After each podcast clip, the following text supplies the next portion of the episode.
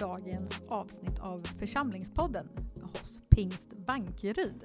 Eh, idag är det jag, Martina Axene, och min bisittare Zacharias. som ska resonera lite grann om familj. Och det är ett ganska så stort begrepp. Har jag, jag har gått och tänkt på det här sen, sen vi bestämde det här för en vecka sedan. Och så tänkte jag, hjälp, vad ska vi prata om då egentligen? För familj, det är ju så stort så det skulle vi kunna ha en hel höst om. Ja men verkligen. Det är ju, finns ju flera olika perspektiv också på, på det här ämnet med, med familj. Det är ju, vi brukar ju säga på nå- ibland att ja, kyrkan, alltså församlingen, det är en stor familj. Mm. Sen så finns det ju perspektivet av att man har perspektivet ja, men kärn, kärnfamiljen, liksom. Mm. Eh, som är, ja, ja, det vi kallar, hur ska man definiera kärnfamiljen egentligen? Ja, hur gör man i dagens samhälle i Sverige? Det är, familj, tänker jag, ser så olika ut. Det Ja, är, verkligen. varje familj är unik, skulle jag vilja säga. Mm. Eh, Och sen så finns det ju familj utifrån att, att, att man, ja men som, lite som kyrkan men ändå inte för att man säger att man, ja, man, man tillhör, alltså det finns en översättning eller en, en definition utav familj, eller utav ordet familj som är klan eller art eller sådär. Eh, så den definitionen tänker jag också är ganska så intressant och spännande utifrån många aspekter. Eh, men det är inte det som vi ska prata om idag du och jag Martina, utan vi ska Nej. prata om någon, vi tänkte en att vi annan om, definition. idag pratar vi lite mer om den lilla familjen. Den som man har närmast sig, kan man väl säga. Ändå. Sina syskon, sina föräldrar, sina barn. Och där är Precis. vi i olika lägen. Ja men verkligen. Så men i församlingspodden, det, det, alltså när man är församling så är man ju, man är ifrån de äldsta till de absolut yngsta. Mm. Och det är ju också, ja men vart är man i det steget utav familj och vilken roll har man i de olika stegen? Eh, jag, jag kan tänka att det finns en viss ordning i det utifrån vår bibliska grund på något sätt. Mm. Eh, sen så, och det, det finns grundtankar i det Mm. som eh, gör upp någon form av ram. Eh, och jag tänker att också att i ett fungerande samhälle så är familjen grunden, det är där det, där det tar sitt uttryck ifrån, eh, där man tar sitt avstamp liksom. Mm. Där man får sina värderingar på ett sätt. Och där tycker jag att Bibeln ger väldigt bra Mm. grund för och som skickar med väldigt må- många bra Mm. grejer liksom i alla eh, faser i livet utav eh, familjelivet. Ja, precis. Ja, men det, det, det är helt, helt sant och riktigt. Jag har funderat lite grann så här, men vad har man sin familj till egentligen då? Eh, jag tänker att när det fungerar, att det är en plats där man kan få råd på, och det kan man ju också tänka i en församling, liksom att man är eller rådvill om någon så kan det ju alltid finnas någon som man vet, vet lite mer om det här som man funderar på än vad man själv kan och då finns det någon att rådfråga. Det tänker jag att man kan ha sin familj till, eller man brukar ha sin familj till. Eh, någon att vända sig till om det tjorvar ihop sig eller om tiden inte räcker till eller pusslet inte går ihop. eh, att man då har eh, familj till att få hjälp av. Mm. Eh, och det kan också vara någon som, är, så, eh, som man vet är där oavsett vad som har hänt eller vad man har gjort. Eller, alltså, det tänker jag är en här grundbult i familjen. Att ja, men vad som än har hänt så kan man alltid komma hem. Villkorslös kärlek. Villkorslös kärlek. Ja, Mm. Jag tänker att familjen är nåden störst på något sätt. Mm. Liksom. Ja. Det är min utopi av en familj. Ja men precis. Mm. Och det är ju inte alltid som, som det där fungerar. Nej. Och ja, men, trots att vi har Bibeln så är det ju faktiskt så att många kristna och många i vår församling men också de som inte är kristna, alla familjer Mm. kanske Mm. brottas med, med de här grejerna. Att få vara en familj där man, ja, men har nåden att falla tillbaka till den här villkorslösa kärleken eh, och inte ta den för givet. Mm. Men också Eh, att i familjen bemötas med respekt och, och också ta tillrättavisning på, på ett bra sätt. Mm. Jag tänker att alla de här bitarna, det är ju som du beskriver, det är ju en, det är ju en fin fasad liksom som man lätt kan måla upp i det här. Mm. Men det blir också väldigt bräckligt, väldigt skört. Eh, det är nästan, om man ska jämföra sig med något så, så kan jag jämföra med komposit. Ett stenhårt material som håller i alla väder om man stöter på det på rätt sätt. Men om man stöter på det på fel sätt, då går det sönder i Mm. miljontals bitar. Mm. Och lite så kan jag tänka att, att det är med familjen också. Eh, att att ja, man, man kan dö för någon i familjen hur lätt som helst. Det, men om det stöts från ett annat håll så, så kanske det Mm. bara spricker och, Mm. och hela livet Mm. går i kras. Mm. Mm. Och det här är spänsten, dynamiken, Mm. eh, spänningen i, i familjen. Ja, och det är utmaningarna i familjelivet, tänker jag. Eh, för att mm, saker händer. Ja. Mm. Och i, i dagens Mm. samhälle då, Mm. Tänker du som liksom, du är ändå barn och familjepastor och har hyfsat bra koll på, på familj och, och Mm. sådär, har stor familj själv liksom Mm. och sådär. Är det, är det lättare nu eller är det svårare än någonsin att vara en familj som i alla fall fungerar? Jag tror att det på ett sätt kan vara lättare för att det blir lättare och lättare att prata om saker som kanske tidigare sopades lite under mattan. Det har varit familjehemligheter, det har varit lite så här lägga locket på, nej men inte ska vi prata om det, eller jaha nu har det hänt, ja men då säger vi inte mer om det. Eh, jag tänker att man är, börjar bli mer öppna och ärliga mot varandra och att jag tänker att det gynnar oss alla. Eh, för att eh, det, då, då skapas det bilder som vi kan spegla oss i när det händer någonting som vi inte visste kunde hända. För jag vet att den här har också varit med om det här. Jag kan söka stöd, jag kan få hjälp och jag kan hitta någon som kan förstå mig.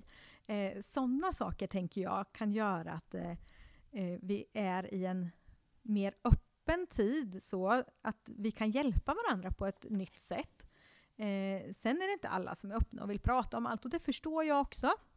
Men jag tänker att ibland är det bra att få pysa lite, brukar jag säga.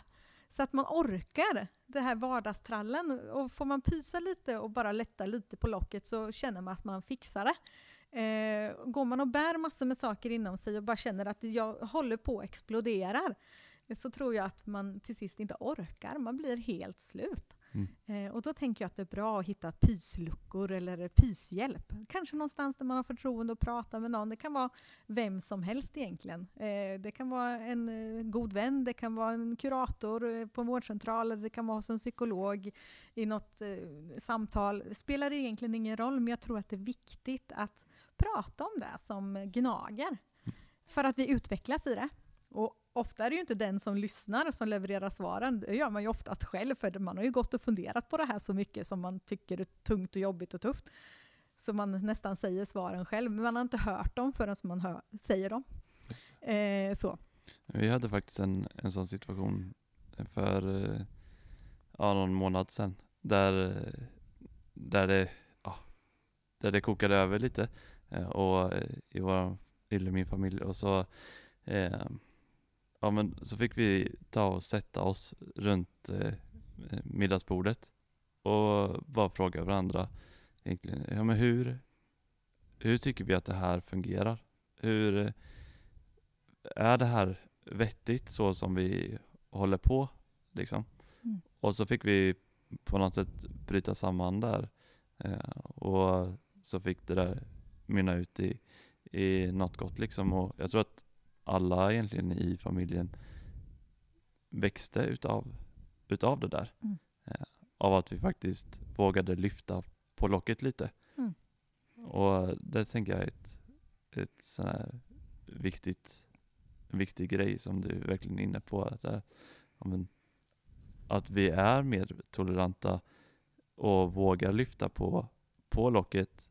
Det är någonting positivt Mm. och det är någonting som, som krävs och som, som behövs. Liksom. Ja, för att vara ett familj det är ett långt, livslångt arbete. Mm. Det handlar om relationer hela livet.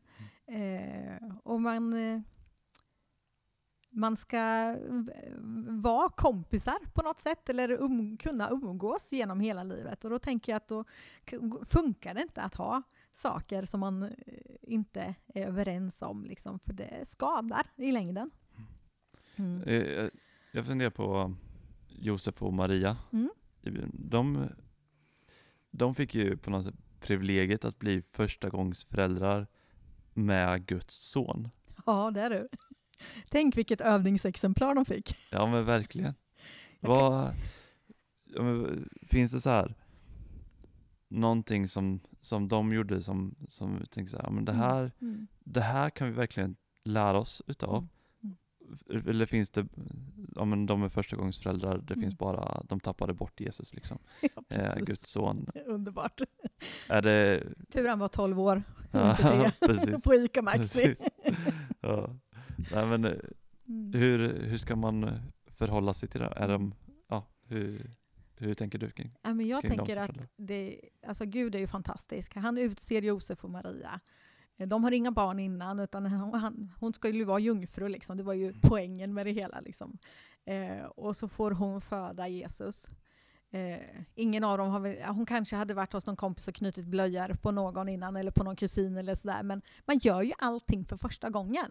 Man har ansvar 24-7 för det här lilla knyttet. Och jag tänker ibland att vad skönt att det kommer som ett litet knytte som man hinner lära sig med tiden.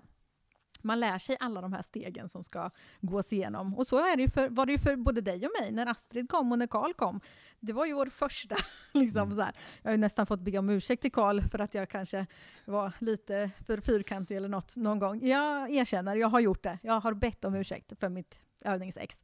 Eh, mina stora barn tycker att jag är lite för layback när det gäller uppfostran av Filip. Liksom sådär. Men det beror nog lite på att eh, efter barn nummer fem så tänker man, eller man vet att det ordnar sig.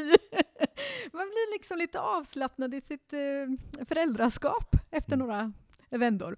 Eh, och det är inte de viktiga sakerna och principerna tror jag ändå att man ska skicka med och de behöver man hålla på. Och det var de du frågade lite grann efter. Finns det några förebilder eller sådär i Bibeln?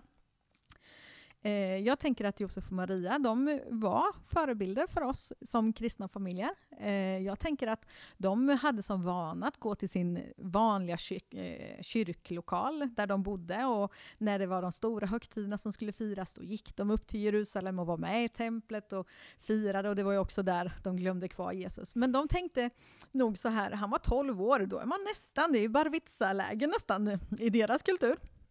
Då går man över från pojk till man när man är 13. Eh, de tänkte nog att ja, men han vet ju att vi går fram och tillbaka här. Vi gör det fem gånger om året. Han brukar ju alltid hänga med och han brukar springa. Någon gång är han före och någon gång är han efter. Han kommer när han är hungrig. Vem har inte resonerat så som förälder? eh, vi uppfostrade lite så, Zack, eller hur? Ja. Vi hade inte mobiltelefoner, våra föräldrar höll inte på att övervaka oss hela tiden vart vi var. Liksom. Det var ingen app man följde vart barnet rörde sig. Utan de kom hem när man var hungrig. Liksom. Mm. Precis. Eh, och jag tror att de tänkte lite så med Jesus också, att han kommer hem när han är hungrig. Men sen när de hade kommit en bra bit och inte sett till honom på tre dagar, då tänkte de, nu är han jättehungrig. och så vänder de ju tillbaka och hittar honom i sin faders hus. Mm. För det var där han behövde ha utbytet. Han började bli så stor så att han behövde ha lite mer hårdsmält mat och han ville liksom umgås med sin far och han ville vara nära Gud. Och det tänker jag liksom är utmaningen för oss. Som, vi har ju små barn ett bra tag och vi liksom, eh, barnen går i söndagsskola och sådana saker.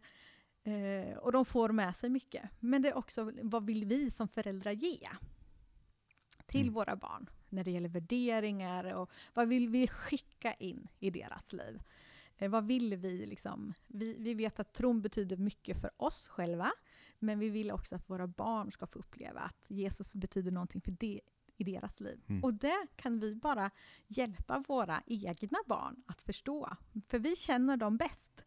Eh, och jag tänker att det är ett sånt stort föräldraansvar eh, att få hjälpa till med goda rutiner. Gå till kyrkan, familjeandakter, be hemma, man kanske, kvällsbönen, eh, sammanfatta dagen, ha ett samtal, vad var bra, vad var mindre bra, är du orolig över något? Ska vi be för det? Det behöver inte vara några stora liksom, avancerade saker, men att försöka få till den där rutinen som är god. Så man hjälper barnen. Mm. I det här exemplet också, eh, med när Jesus ja, är 12 mm. och går till, eh, till kyrkan liksom, eller till gudstjänsten och firar de här högtiderna, så ser man ju att han gör ju det med, med sin familj. Mm. Alltså, det är inte, och då talar jag inte bara om, om Josef och Maria och, mm. och så bröderna liksom, mm. utan det är också den, den större familjen. Mm. Det är en hel släkt liksom som de börjar leta mm. hos. Eh, är mm. Jesus hos er? Är Jesus med? Mm. Liksom. Och sen så får de ju vända tillbaka till, till kyrkan eller till synagogan då. Och va, ja, men, vart är Jesus? Jo, han är hos de, de äldste. Liksom. Han sitter och, och frågar där. Och där tänker jag också ett sånt perspektiv, vi var inne på det innan, att mm. det finns, man är familj utifrån flera olika perspektiv. Men vad, vart finns mormor och morfar med? Mm. Vart finns farmor och farfar med? Liksom, vart är mamma och pappa in i den här bil bilden? Vart är syskonen mm. in i den här mm. bilden? Jo, syskonen, de leker. Föräldrarna, de tittar efter, någorlunda i alla fall, sina barn. Mm. Eh, och följer dem. Mm. Eh, ser dem liksom få växa och, och lära sig genom, genom lek och, och mm. skoj med sina kompisar. Eh, och så finns de där för tröst och, och näring liksom. Och också lite oroande eh, för hur det ska gå för sina barn. Liksom. Mm. Och så har man de, de äldste som ger med sig av sin, sin vishet på något sätt. Och vi var hemma hos mamma och pappa i, för ja, det var jättelänge sedan nu. Mm. Men eh, då så, så satt Astrid vid, vid deras köks, köksbord och så fikade vi lite, eller något sånt där så var det. Och så eh, frågar Astrid, kan jag få en smörgås? Och så säger eh, hennes farmor, då, min, min mamma, ja det kan du få absolut, här har du det. Eh, och så säger hon, jag vill ha leverpastej. Och, och farmor säger ja, det går bra. Eh, och sen så eh, säger Astrid, ja, jag vill ha eh, ost också. Och då så säger jag och Louise, nej, det räcker med, det räcker med ett pålägg liksom. Mm. Och sen så säger farmor, nej men hemma hos farmor så går det bra. och det, jag mm. tänker att, att det där, mm. det visar på något sätt, ja men lite den här avslappnade mm. eh, stilen av att ja, men jag har varit med, jag vet att mm. det är inte så farligt om man får lite ost och mm. leverpastej på mm. sin macka liksom. Det är den där, ja, men, som, du har ju mängder av de eh, erfarenheterna som, som Karl och resten liksom kommer få ta del av när de någon gång förhoppningsvis får, eh, får barn och du får bli mormor eller farmor. Det blir fantastiskt. Eh, och där tänker jag att vilken skatt det finns i, i församlingen liksom. Mm. Av de här mm. guldkornen av att, ja men, kom igen, det gör inte så mycket att, att göra fel eller det gör inte så mycket att ge den där mm. E-, extra kakan eller extra Nej. osten eller ja, vad det nu kan vara. Och, mm. Eh, kolla på det här, det mm. här är ett sätt som funkar att leva på. Mm. Eh, och så vidare och så vidare. Jo men det är ju så. Eh, och hela alltihop det här kan man väl ändå tänka så här, för det finns lite ledtrådar i Bibeln så här, hur man ska vara mot varandra i, i, i familjerna. Eh, och i både Kolosserbrevet och Fesebrevet så finns det det här eh, vi, vi, läser inte upp dem till sin helhet här tänker jag, utan vi kan skicka med det i texten. Eh, men det är ju lite kontroversiella kan man tycka. Eh, det här eh, kvinnor, ni ska underordna er. Eh, era män som det anstår kristna. Ni män älskar era hustrur, står det också om man fortsätter att läsa. Och var inte elaka mot dem. Och jag tänker att allting är i en kontext de här breven skrevs till liksom, av en orsak förmodligen i Efesier. Liksom, Efesierbrevet skrevs av en orsak till familjer som kanske hade viss problematik. Liksom. Och då behövde man liksom påminna, men hallå, hallå, kom ihåg det här. Liksom. Var rädda om varandra, respektera varandra. Det står vidare, ni barn, lyd era föräldrar. Så eh, ty så bör det vara bland kristna. Men ni fäder, reta inte upp era barn, för då tappar de modet. Jag tänker, det är liksom samma sak där, det spänner liksom, det är inte bara det här att kvinnan ska lyda sin man, utan det är liksom den här respekten som behöver finnas över generationer. Att alla är betydelsefulla i, mm. i Guds ögon. Eh, jag tänker ibland glömmer vi det här i det hela stora perspektivet. Eh, och jag tycker att det är viktigt att påminna om det. Eh, att respektera varandra i familjerna, respektera varandra i släkterna, ta hand om varandra. Eh, för man vet inte hur länge man har varandra. Eh, allra helst som det är corona här nu. Det händer massa saker i familjen som är helt totalt oväntade. Mm. Ta, alltså vi säger det hemma, liksom, oh, vi måste ta tillvara varje dag.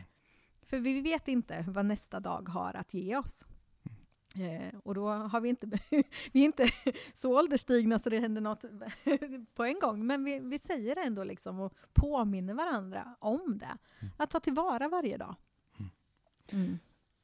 Det finns ju, ja, jag tänker att om man pratar om, om det här att få, få uh, ta vara på, på saker och ting och ta vara på, på moment så, så var det någonting som jag lärde mig ganska tidigt att, att när man byter blöjor så är det ett bra moment att, eh, att ta en extra stund med sitt barn eh, och bara gosa eller sådär och få, få tanka på liksom.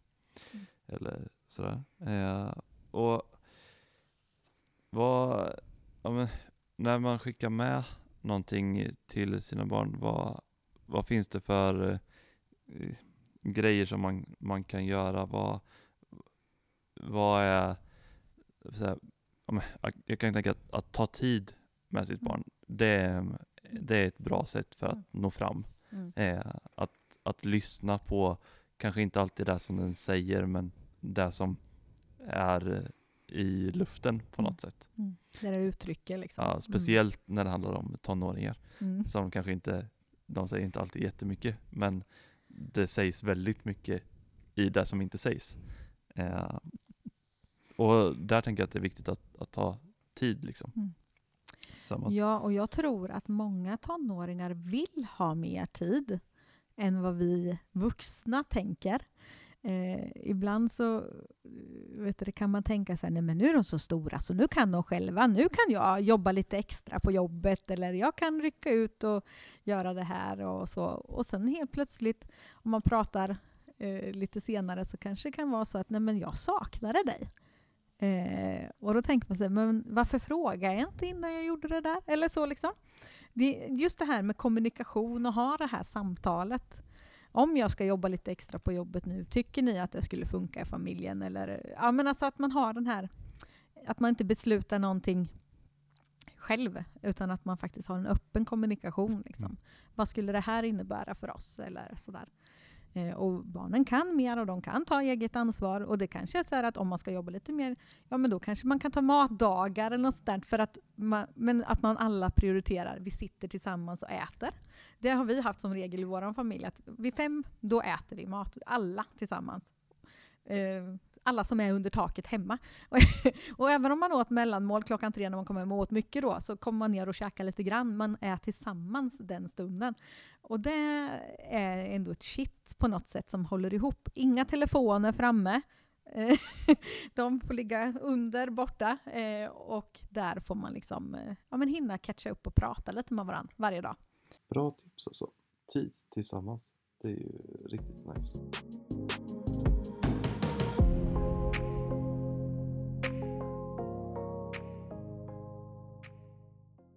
Vad kan vi göra då, som familjer? Om man är en hyfsat stabil familj, man har det tryggt, något barn kanske börjar flytta hemifrån, man får något rum över eller sådär, eller ja, man har det rätt gött. Ska man liksom då liksom backa tillbaka och bli bekväm och tänka nu har vi gjort vårt gött?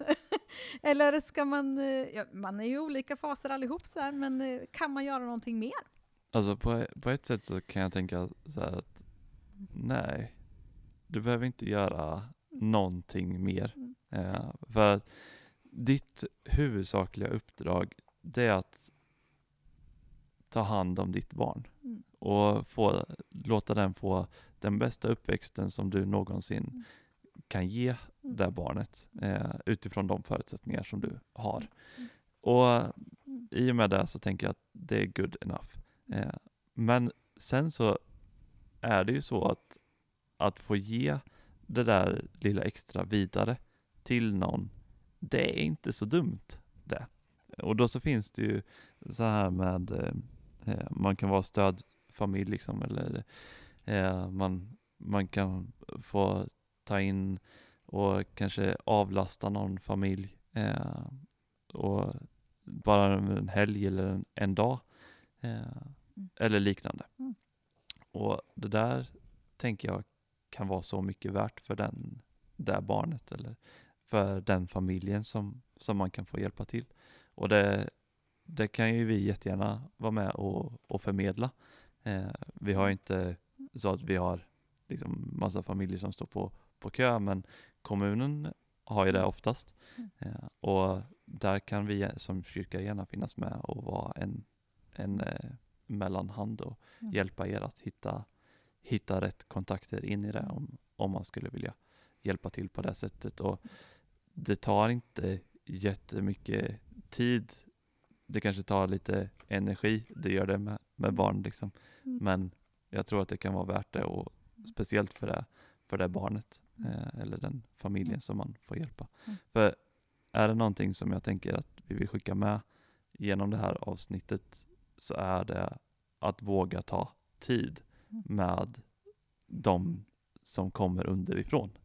Eh, allt ifrån de, de äldsta, liksom, våga ta tid. Eh, ni betyder oerhört mycket mer än vad ni tänker Mm. för de yngsta. Mm. Ja, men ni föräldrar, våga ta tid. Våga lägga bort telefonen. Våga se era barn ögon mer än en kvart per dag. Mm. Liksom. Mm. Eh, och, genom, och våga också se kompisar till barnen. Mm. Eh, våga vara närvarande i, i deras liv. Mm. Eh, och ni barn eller ungdomar, vi vet att ni säger mer än vad ni vill genom att bara vara Mm. tysta. Mm. Eh, Mm. och vi finns där för er. Och vi finns ju för er som, som kyrka. Eh, både du som barn och familjepastor och jag som ungdomspastor. Mm. Vi finns här Mm. för er. Eh, speciellt ni barn eh, finns Så vi är här det. för. Så är det. Både barn och familjen. Man har sånt hjärta för dem. Mm. Ja, de är verkligen med i ens böner och man, eh, nu när det är coronatider så är det lite speciellt men då blir det att man får be för alla i, i Bankeryd liksom och försöka att se att människor har det bra liksom. Mm. Mm, uppmärksamma signaler om det är något som inte är okej någonstans. Exakt. Mm. Att få vara en fungerande familj, Mm. det är ett mål som eh, man kan ha. Och det gör man genom att våga kommunicera och ta tid med och för varandra. Mm. Vi avslutar dagens avsnitt på det sättet, tänker jag, med den uppmuntran och den utmaningen. Ett spännande avsnitt om, om familj, helt enkelt.